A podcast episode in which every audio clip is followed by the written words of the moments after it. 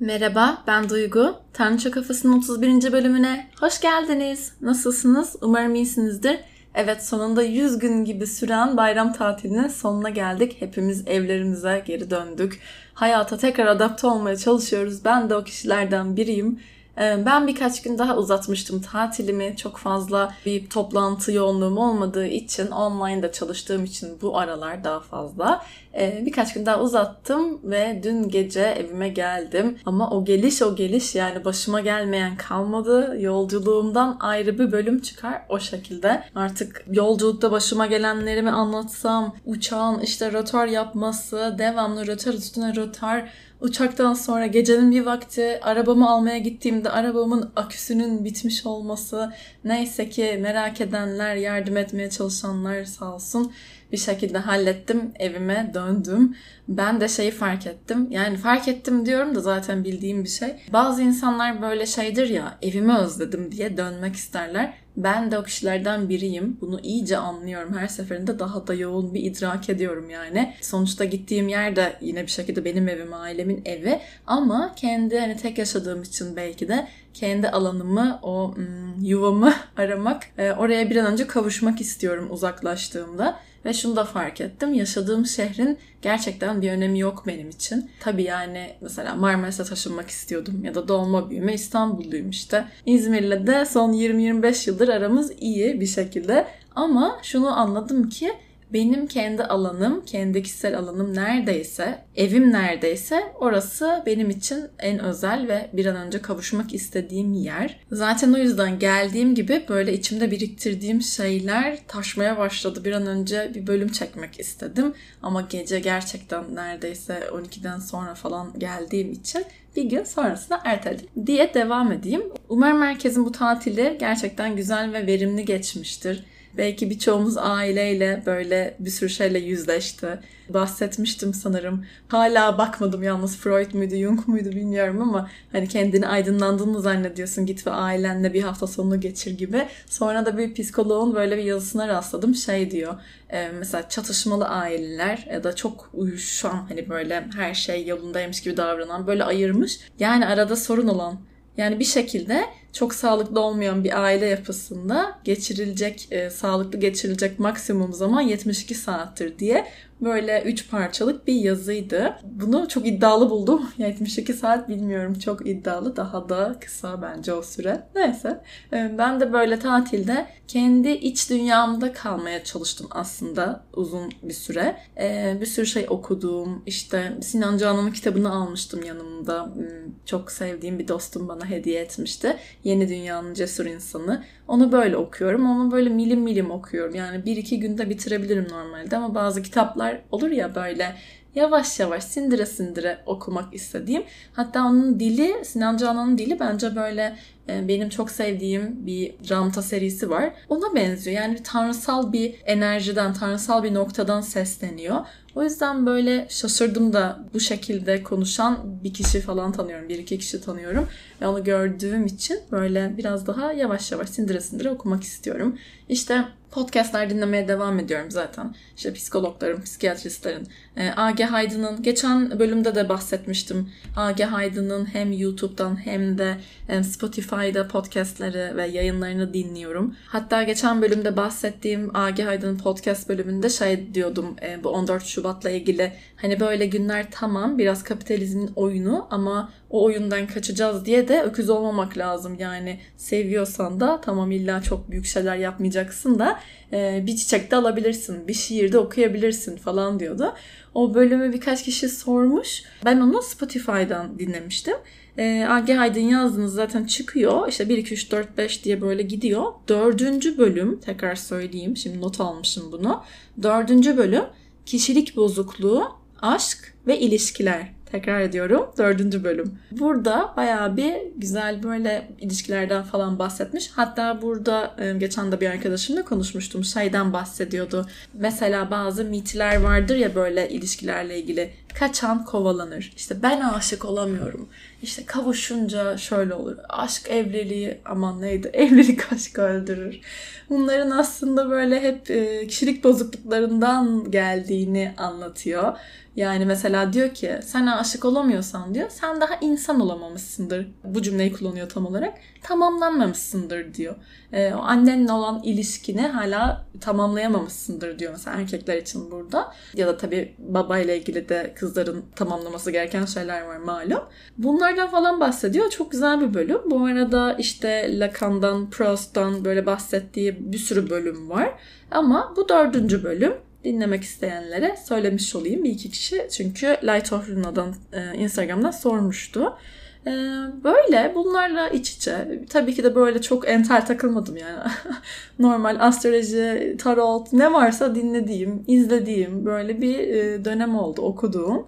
Onun yanında tabii aileyle ben kaldığım için bu dönemde orada da ayrı açılımlar yaşadım kendi içimde işte e, bireysellik bastırıyor bir dönem ama bir yandan da insanlarla bir aradasın ve orada işte kendi yapmak istediğim şeyler için beni tanıyanlar bilir böyle insanları bazı konularda ikna etmekle ünlüyümdür istediğim bir şey olsun diye ama bunu tabii ki normal iyi niyetle masumca bir şekilde yapıyorum.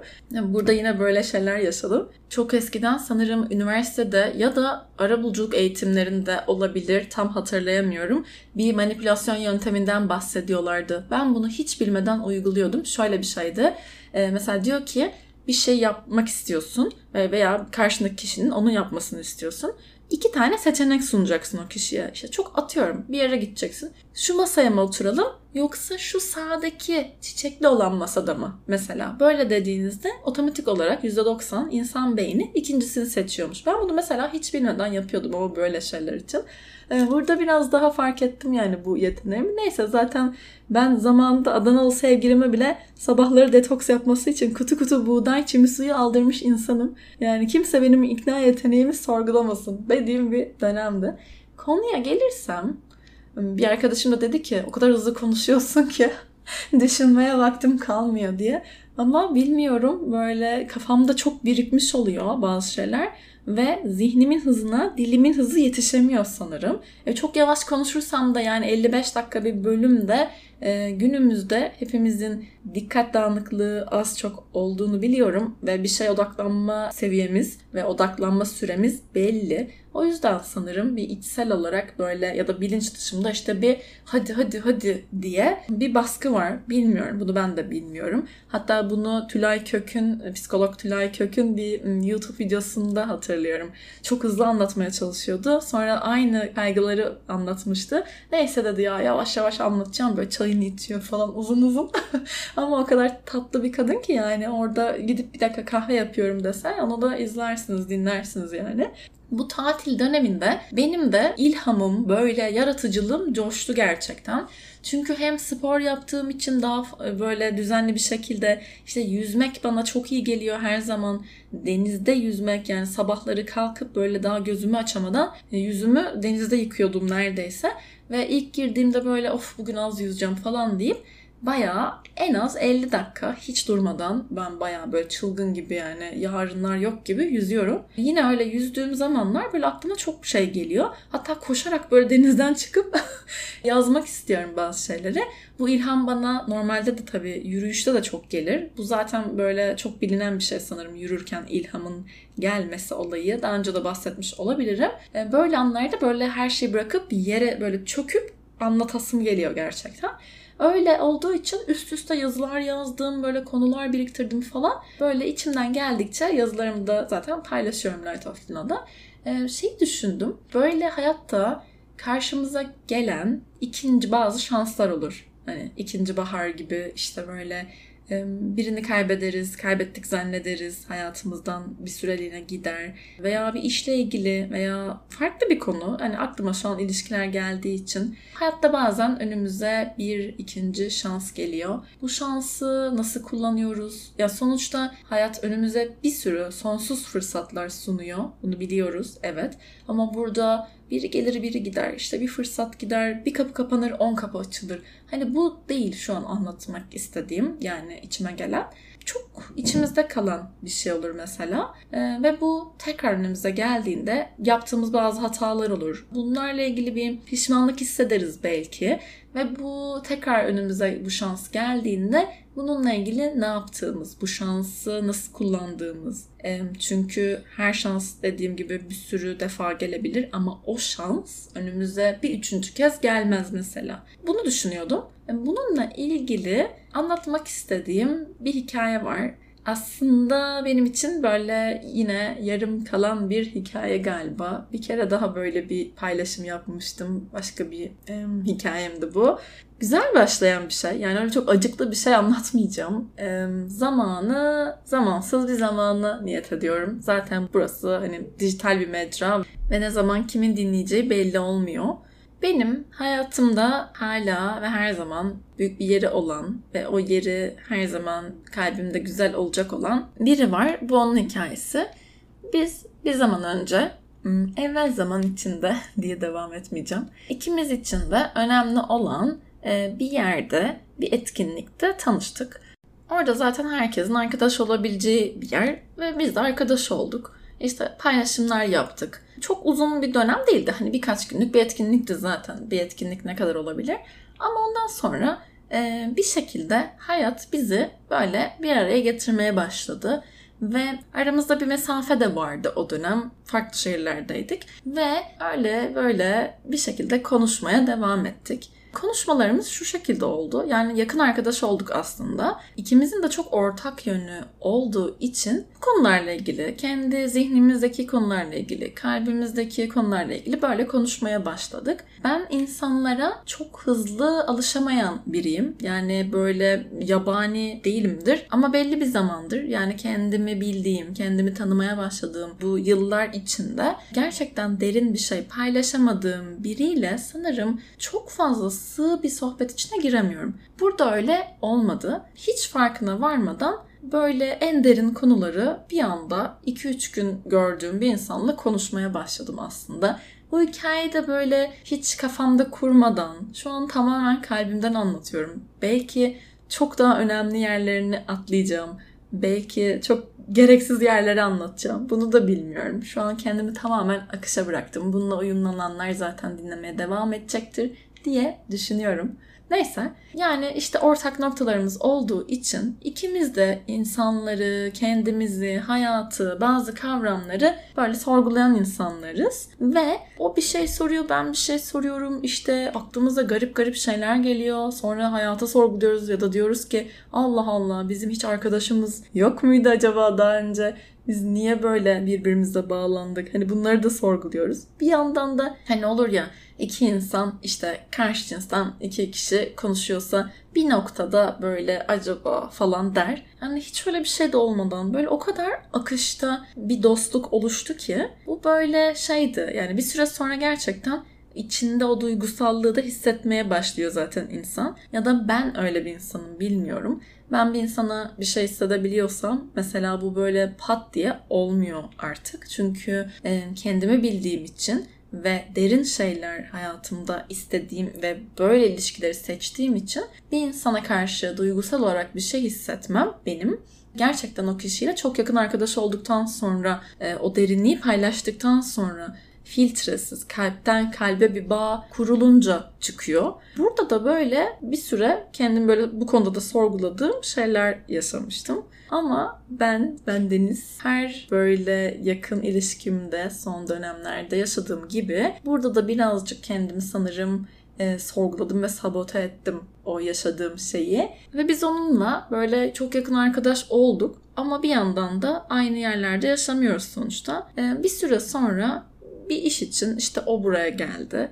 Böyle birbirimizi görmeye başladık. Birkaç şeye daha katıldık ve e, aslında ikimiz de biliyorduk ki onun buraya gelmesi ya da benim onun olduğum yere gitmem hep bunların arkasında daha farklı şeyler vardı. Yani ilk başta bunu söyleyemesek de ya da böyle söylüyorduk ama üstü kapalı falan. Neyse uzatmayacağım daha fazla. Gel git konuş derken gerçekten aramızda bir bağlılık oluştu Bağımlılık değil, bağlılık. Ama öyle bir şey ki hani olur ya bir yerde arkadaşların nasıldır ama aklında farklı biri vardır. Onunla paylaşmak istersin. O an onunla yan yana olmak istersin. Komik bir şey görürsün İlk paylaşmak isteyeceğin insan odur. Dersin ki şu an keşke yanında olsa of onunla paylaşırdım. İşte bir şey yersin ya denese çok severdi.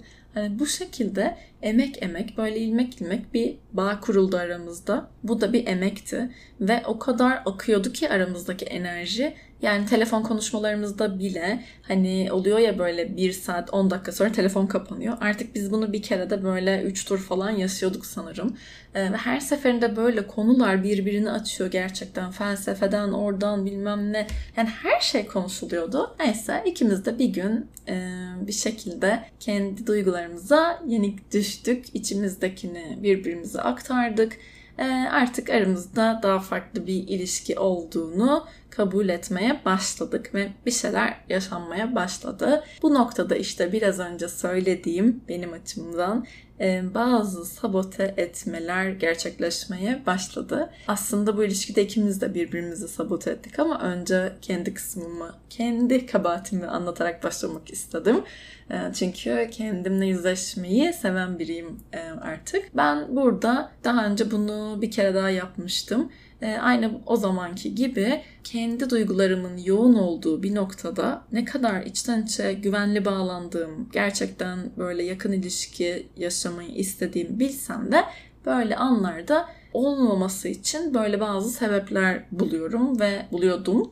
Bunu artık bu paternimi iyice fark ettim ve onu iyileştirdim içimde. Yani öyle umuyorum en azından. Ama orada yine bu şekilde bir döngüye girdim. O anda işte onu nasıl sabot edebilirim bilinç dışım bununla ilgili bazı oyunlar oynadı. Hem eylemlerimle, bunu hem bazen davranışlarımla, bazı yaptığım şeylerle ya da konuşma tarzımla bile yani bunu karşı tarafa aktarıyordum bir şekilde. Onun şu an burayı dinlediğini düşünmüyorum ama burayı dinleseydi de hayatımda içimden gelen, kalbimden gelen, e, zihnimden geçen her şeyi filtresiz, onun egosuna dokunacağını bile bile en sert haliyle bile paylaşsam onu böyle göğsünde yumuşatıp bana seni, kalbini, içini görüyorum ve şöyle şöyle diyebilecek bir insan olduğu için daha rahat konuşuyorum. O zamanlar o beni benden çok daha fazla hissediyordu ve seviyordu ve onunki bir aşktı. O bir yola beni ikna etmeye çalışıyordu ama ben o yola girmemek için türlü türlü engeller çıkartıyordum, bahaneler uyduruyordum. O buna inatla ve inançla devam ediyordu. Ve ben buna kandım en sonunda. Yani buradaki o istikrara, o bana verdiği güvene çok emindi kendinden. Evet diyordu yani. Ben seni gördüğüm ilk an dedim yani ne güzel kız. Sonra dedim ki ah çok komik, çok farklı, çok akıllı. Ben hayırlı olsun canım dedim kendime demişti. Ben ben seninle evleneceğim ben bunu biliyorum yani ben aradığım kişiyi buldum falan çok emindi yani böyle. Ve ben de böyle öyle şey olur mu falan yani yine böyle e, yapabileceğim her şey yaptım. Neyse. Ama yani bu hikayede bayağı bir süre bayağı bir süre inat ettim e, ikna olmamak için. Ama o beni sonunda ikna etti bu yola. Ben de aslında ne kadar sabote ettiğimi, onu ne kadar e, istediğimi ve sevdiğimi sonunda kendime itiraf ettim. Bunu fark ettim.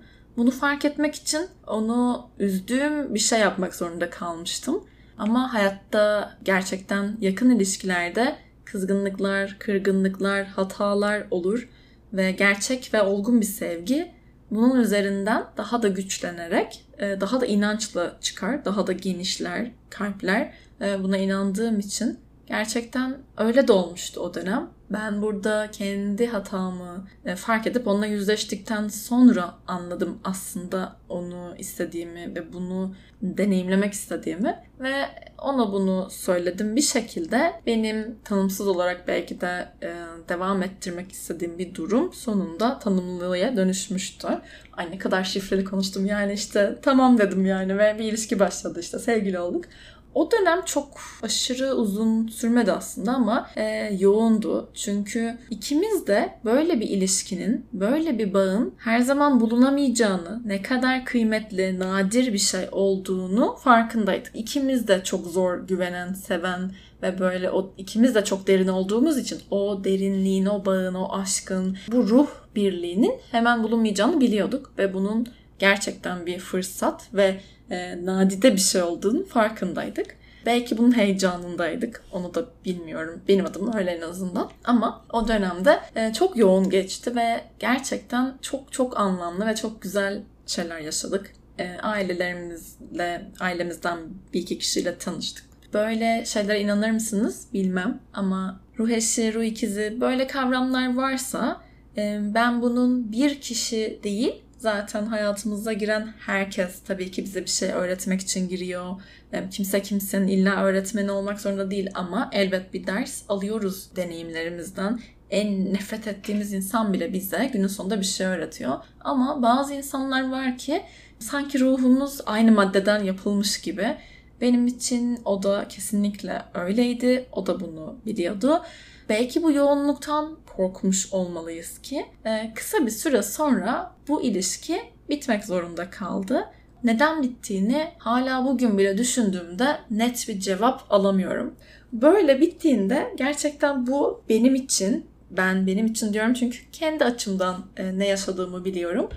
Hiçbir sebep yokken bitti ama bazı işte daha önceden birbirimizi sabot etme yollarımıza onlara bağladık sebepleri.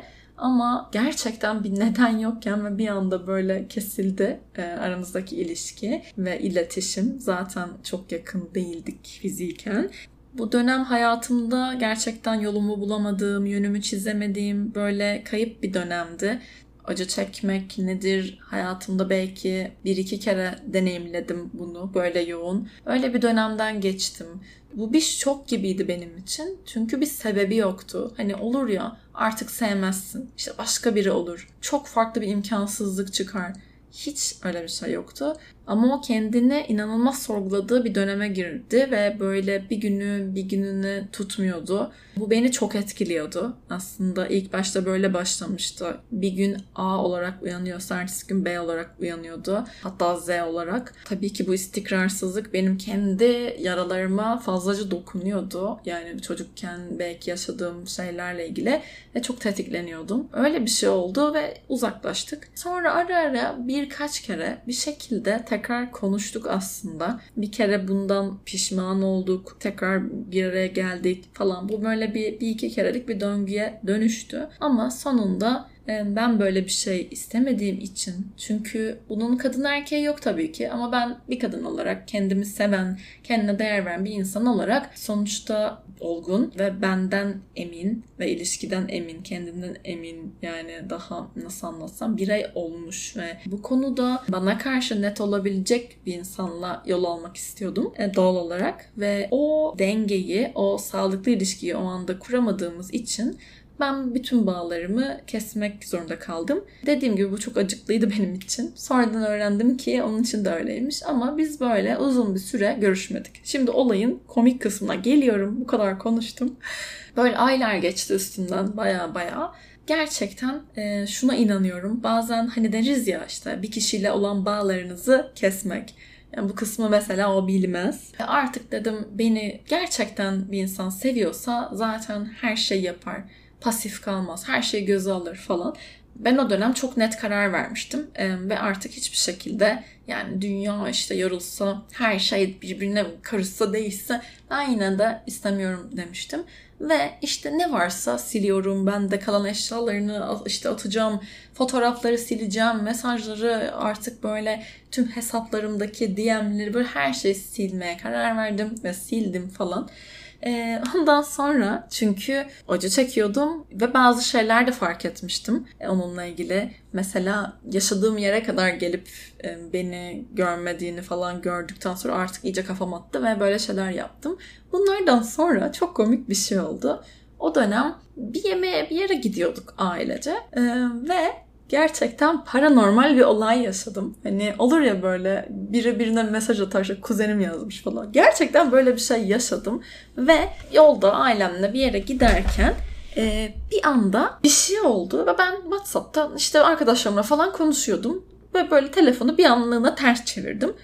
ve telefonu geri çevirdiğimde bir baktım ki ben onu bayağı eski sevgilimi e, FaceTime arıyorum. Ve hani böyle bir şey imkansız. Çünkü son aramalarda yok. Yani en az 7-8 aydır görüşmüyoruz. Ben WhatsApp'tayım. FaceTime ne alaka? Yani hiçbir şey yok, hiçbir şey yok. İsmi böyle en başta falan değil. Yani alfabenin neresinde kim bilir. Hani böyle bir şey imkansız. Ben böyle çığlık çığlığa şoka girdim. Hani bu nasıl olabilir falan diye. Gerçekten ailece sonuçta ailemin bildiği bir insan olduğu için nasıl aramış olabiliriz işte şöyle mi böyle mi falan diye böyle hani inanılmaz bir olay koptu benim için. Ve hani tamam ya ne olmuş yani diyebilir bu dinleyen biri ama hani öyle değildi. Çünkü imkansız bir şeydi. Ve şunu fark ettim. O dönemde aslında böyle astrolojik olarak okuyordum işte eski işte sevgililerin tekrar bir araya gelmesi, işte ruh eşlerinin tekrar kavuşması, hayatın size ikinci bir şansı vermesi ama kullanırsanız falan. Gerçekten etkiler böyleydi. Dedim bu artık yani benden çıktı yani bu göklerden verilen bir karar var. Bu ilahi bir şey falan diyordum. Ve yapacak bir şey yok artık dedim. Ama hala şok içindeyim. Neyse dedim ki artık merak ederse herhalde arar, mesaj atar bir şey. Derken zaten tahmin ettiğim gibi oldu. O yazdı, ben cevap attım ama yani hani söylüyorum yanlışlıkla ama kim inanır yani bana böyle bir şey yapılsa ben asla inanmam. Hani sarhoş oldu beni arıyor falan derim herhalde. E, neyse öyle böyle biz tekrar konuşmaya başladık. Yani o bunu teklif etti. Hani beni aramak istedi. Ve öyle bir şey ki bunu şu an dinleyen kesinlikle bu hissi biliyordur. Bazen olur ya, yüzyıllardır konuşmadığım biri olur. İki tarafta birbirinin birbirine karşı ne hissettiğini bilemez. Yani bana karşı düşman mı, beni seviyor mu hala ya da o sıcaklık tekrar olur mu bunu bilmiyor kimse öyle bir durumda. Ama öyle bir şey olur ki sanki böyle en son bir gün önce konuşmuşuz gibi bir enerji oluşur. Ben de aynı, biz de aynı bunu yaşadık. Çok garip yani öyle bir şey ki e, uzun zamandır konuşulmuyor mesela ve orada bir kırgınlık, kızgınlık, işte belki yer yer öfke bir, bir şeyler ifade ediliyor. O anda ama bir an o unutuluyor böyle 3 yaşında gibi. Ya bu arada şu dizide bir şey vardı beraber izliyorduk. Hani şu bölümü izledim ya of çok komik falan diye araya böyle başka bir şey giriyor. İşte o değil de bak şu işte kitapta şöyle bir şey, şu şarkı çok iyiydi. Böyle hani unutup bir dakika tam devam ediyoruz şimdi diye. Sanki bu böyle Hawaii Meteor Mother'da Lily ile Marshall'ın mıydı? Şimdi diyor işte küsüyorlardı. Küsmeye 5 dakika ara veriyoruz falan diyorlardı böyle. Ee, onun gibi bir şey yaşadım ben de. Ve anladım ki gerçekten bazı şeyler olduğu yerde duruyor. Ee, tabii ki burada şöyle bir şey vardı. Onun hayatında biri yoktu. Benim hayatımda biri yoktu. Yani hayat devam ediyor sonuçta ve bir gün sonra bunun yine aynı şekilde olacağının bir garantisi yok. Burada sadece bu bir şanstı ve biz böyle konuşabildik tabii ki. Konuştuk, konuştuk ee, ve şunu fark ettim öğrendim daha doğrusu. Aslında kendi utancıyla yüzleşemediği için, kendi yaptığı şeylerle yüzleşmek istemediği için, belki duygularını dondurduğu için benden kaçtığını, kalbindeki yerimin aynen tüm bütünlüğüyle orada olduğunu, duygularının aynen devam ettiğini. E, bunların hepsini bana itiraf etti ve öyle bir şeyi fark ettim ki yani e, benim yapabileceğim hiçbir şey yoktu bu noktada. E, kendi duygularından kaçmak ve e, o duyguları hissetmemek için sanki hiçbir şey hissetmiyormuş gibi, sanki ruhsuzmuş gibi davranmayı seçtiğini gördüm. Ve bu noktada gerçekten e, herhangi bir müdahale edemeyeceğim için ve şeyi fark ettim. Yani hayatta sevgi, aşk ne kadar büyük olursa olsun eğer bir insan sizin için duygularının ya da ilişkinin sorumluluğunu alamıyorsa zaten o noktada sizin yapabileceğiniz hiçbir şey yok. O zaman o sevginin bazen bir anlamı da olmuyor diye düşünüyorum. Çünkü olgun bir sevgide bu bölümün başında bahsettiğim Agi Haydın'ın bölümünde de diyordu hatta. İlişki emek ister bunu hepimiz biliyoruz zaten. İnsan bir insan sevemiyorsa bir insan gerçekten bir ilişki yaşayamıyorsa orada kendi kişiliğiyle ilgili bakması gereken bir şey vardır diyordu. Ve ben de bunları gördüm. Çünkü ortada hiçbir sebep yokken siz bir insanla kendinizi seviyorken bir de ayrı bir konuma zorla koyuyorsanız, kendinizi sevdiğiniz insandan mahrum bırakıyorsanız ve böyle sanki sonsuza kadar iki tarafta birbirini bekleyecekmiş gibi, hayat ilerlemeyecekmiş gibi pasif, eylemsiz kalıyorsanız zaten bu noktada karşı tarafın yapabileceği hiçbir şey olmuyor.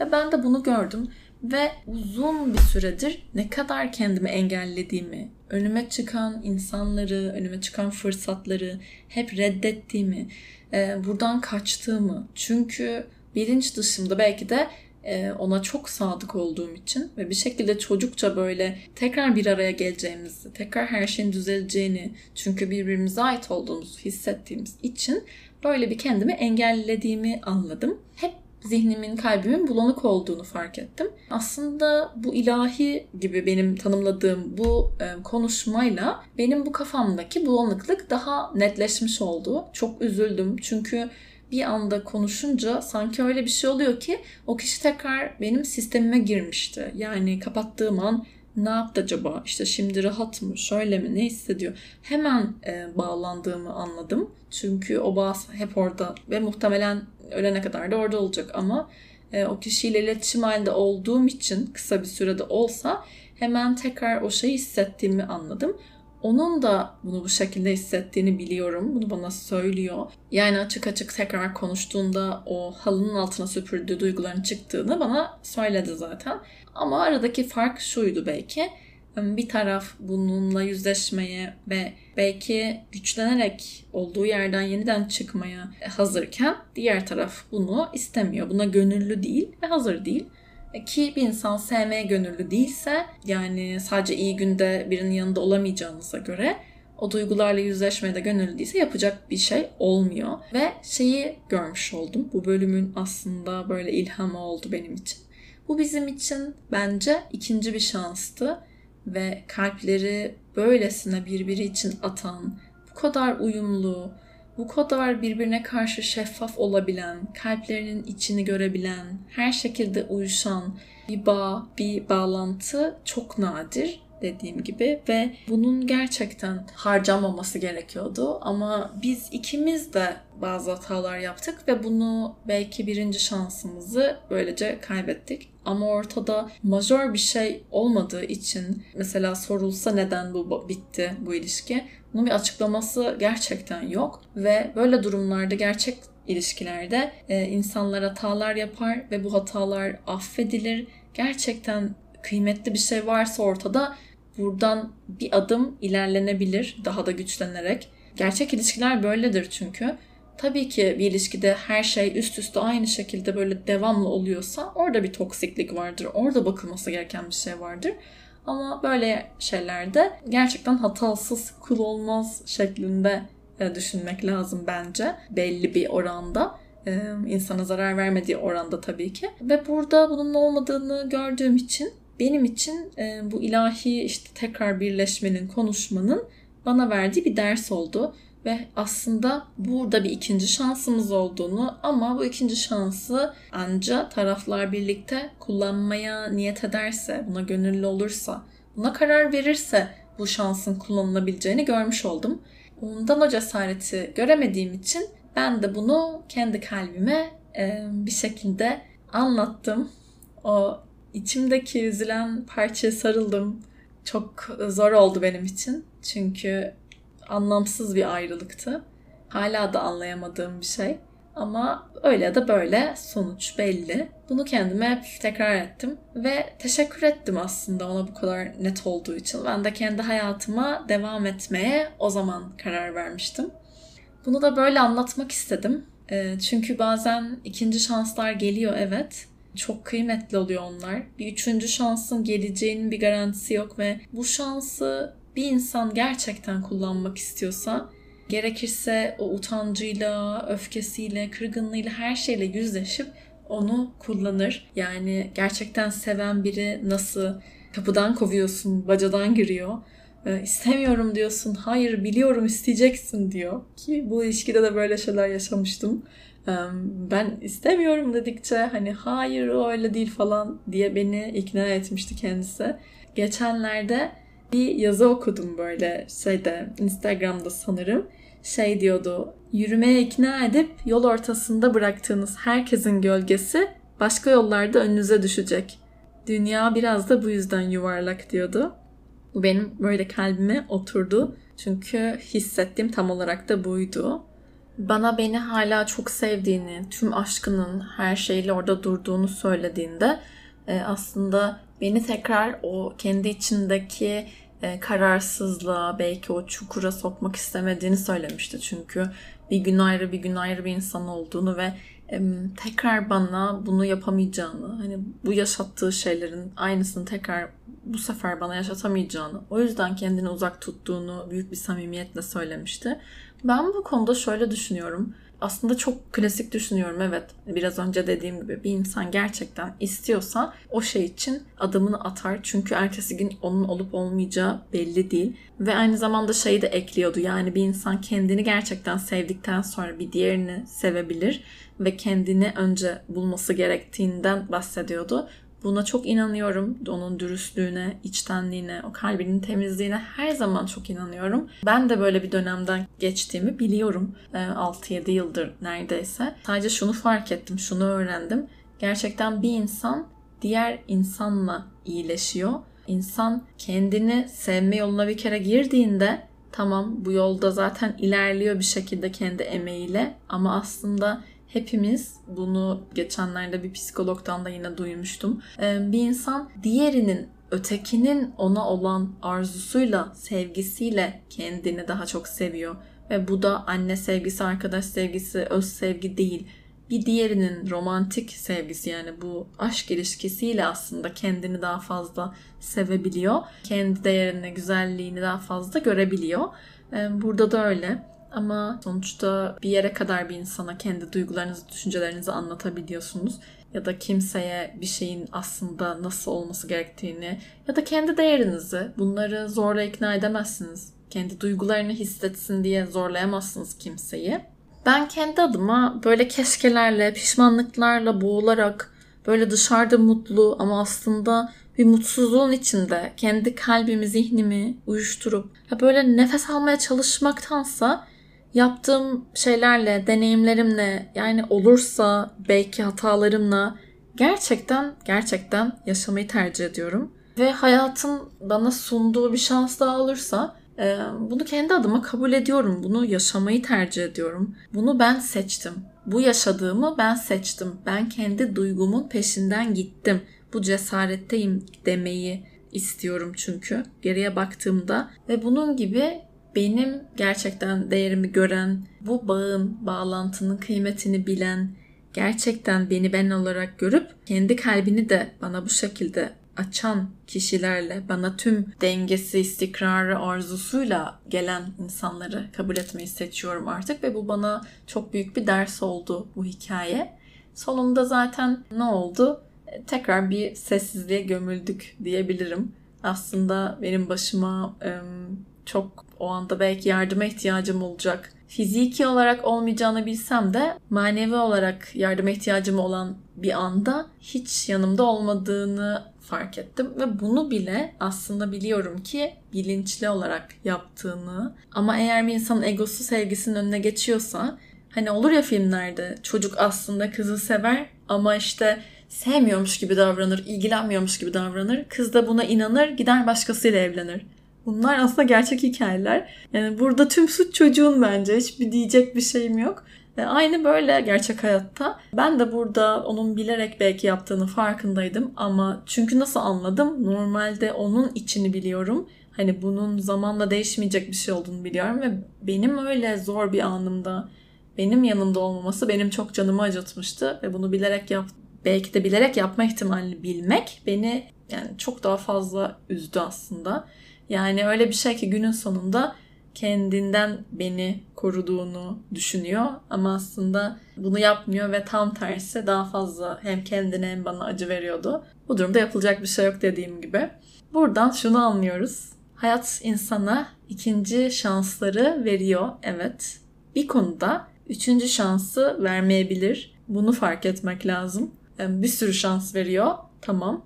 Ben tek bir konudan bahsediyorum. Anladınız siz onu. Bu şans geldiğinde bunu daha akıllıca, belki kalbimizin peşinden giderek emekle ve cesaretle adımları atarak kullanmamız lazım. Burada yüzleşmemiz gereken belki geçmiş defterler açılacak, belki bazı özürler dilenecek, bazı öfkeler dile getirilecek ama zaten gerçek bir şey yaşamak istiyorsak bu hayatta bunların içinden o tüm kırılganlığımızla geçmek zorundayız. Buradan geçemediğimiz sürece zaten gerçek bir şey yaşayamayız. Bu hiçbir sorunun olmadığı yeni başlayan bir ilişkide de geçerli. Mesela bazı ilişkilerde böyle olur ya hani her konu konuşulmaz. Eskiden hiç bahsedilmez. Yani bahsedilmek istenmiyorsa tabii ki bu özgür bir irade ama o anda bir insanın içinden anlatmak istediği ve belki geçmişten birilerine dokunan bir konu var. Ben eğer onu bile paylaşamıyorsam onu niye yazdın, onu niye işte yaptın, niye ondan bahsettin? Hani olur ya böyle bir müdahaleci tavır. Böyle olan bir yerde zaten bilmiyorum ya o kişi bunu sevgiyle zamanla öğrenecektir. Belki o kadar şeffaf bir şey yaşamamıştır. Herkesin hayatında bu şeffaflığı öğrendiği biri var çünkü. Ben dahil böyle oldum. Böyle ilişkiler gerçek olamıyor bence bir noktadan sonra. Her şeyi ama her şeyi senin karşındakinin belki canını acıtacak bir şeyi bile konuşabilmek lazım yeri geldiğinde. Tabii ki bu böyle düşüncesizce bir ağzından çıkanı hiçbir şekilde düşünmeden, hiçbir filtreden geçirmeden konuşmak değil. Ama ben kalbimdekini en yakınımla böyle o duvar olmadan arada konuşabilmeliyim bence. O zaman bu ilişki zaten gerçektir. Böyle şeyler geldiğinde de bu ikinci şanslar geldiğinde de bunları değerlendirmek lazım. Hayat bu. Kimse kimseyi beklemiyor. Belki bir süre bekliyor ama daha sonra e, kendi iyiliği için, kendi kalbinin, aklının sağlığı için belki e, belki de hayatın döngüsündendir bilmem. Devam etmek zorunda kalıyor. Böyle o yüzden eğer kendiniz gibi güzel, kendinize göre bir kalp bulduysanız artık siz kendi kalbinizi nasıl tanımlıyorsanız bu durumda bu kalbi bulduysanız bu kalpler arasındaki enerji, sevgi böyle su gibi akıyorsa birbirinize öğretiyorsanız, birbirinize şefkatle davranabiliyorsanız, birbirinizin yaralarını görüp o yaraları böyle kaşımak değil de bak şurada bir yarası var. Hani ben bir daha oradan dokunmayayım. Gerekirse orayı öpeyim, iyileştireyim diyebiliyorsanız, birbirinizi merak ediyorsanız çünkü sevginin en büyük karşılığı merak bence. O insanın zihninden geçenleri, kalbinden geçenleri, çocukluğunu her şeyi merak edersiniz böyle bir durumda. Eğer böyle bir insanla karşılaştıysanız efendim o insanın değerini bilin. O insanı gerçekten kaybetmemek için ne gerekiyorsa yapın. Bu illa ne gerekiyorsa ne demek kendime işte saygımı mı kaybedeyim. Oradaki o dengeyi sağlıklı bir ilişkide nasıl olması gerektiğini zaten şu an beni dinleyen herkes biliyordur diye umuyorum. Bilmiyorsa da öğrenir kesin. Çünkü böyle incelikleri düşünen insanlar kolay bulunmuyor. Kalpten kalbe bu ruhsal bağlantılar çok nadir. İncelik deyince böyle Twitter'da bir şey yazı görmüştüm böyle bir hafta önce falan. E, şeyden Franz Kafka'nın Milana'ya mektuplardan. Diyor ki seni seviyorum demedi ama şöyle bitirdi mektubunu.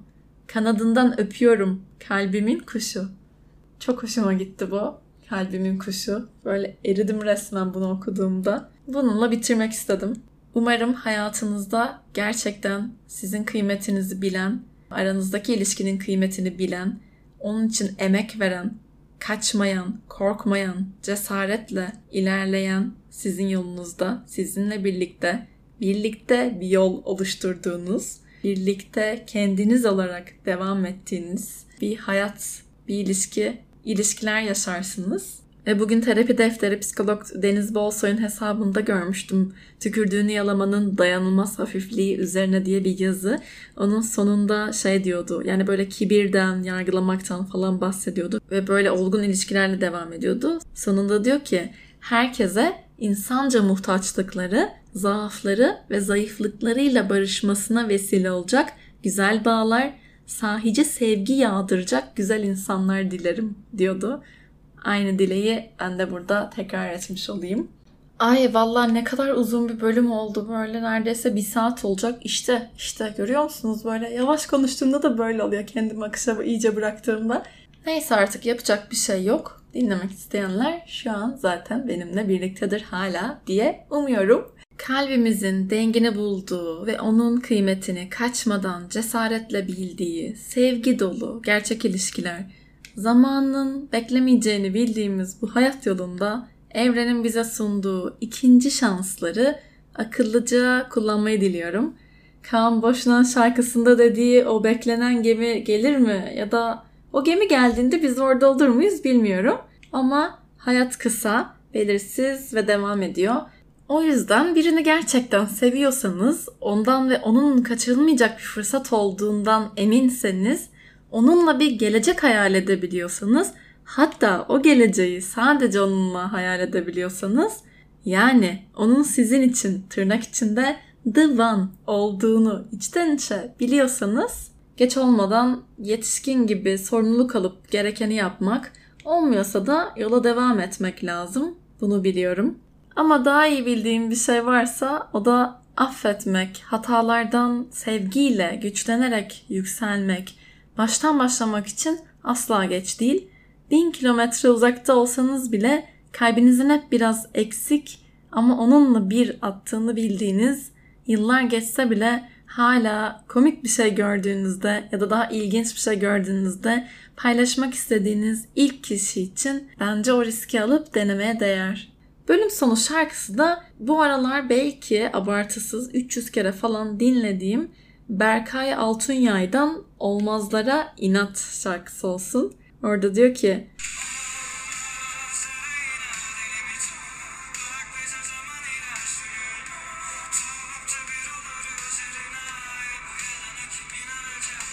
Evet sevgili gönül dostları. Ne zaman olacağını bilmediğim bir sonraki bölümde görüşmek üzere. Dilerim kalbimiz hep açık ve hafif olsun. Güle güle.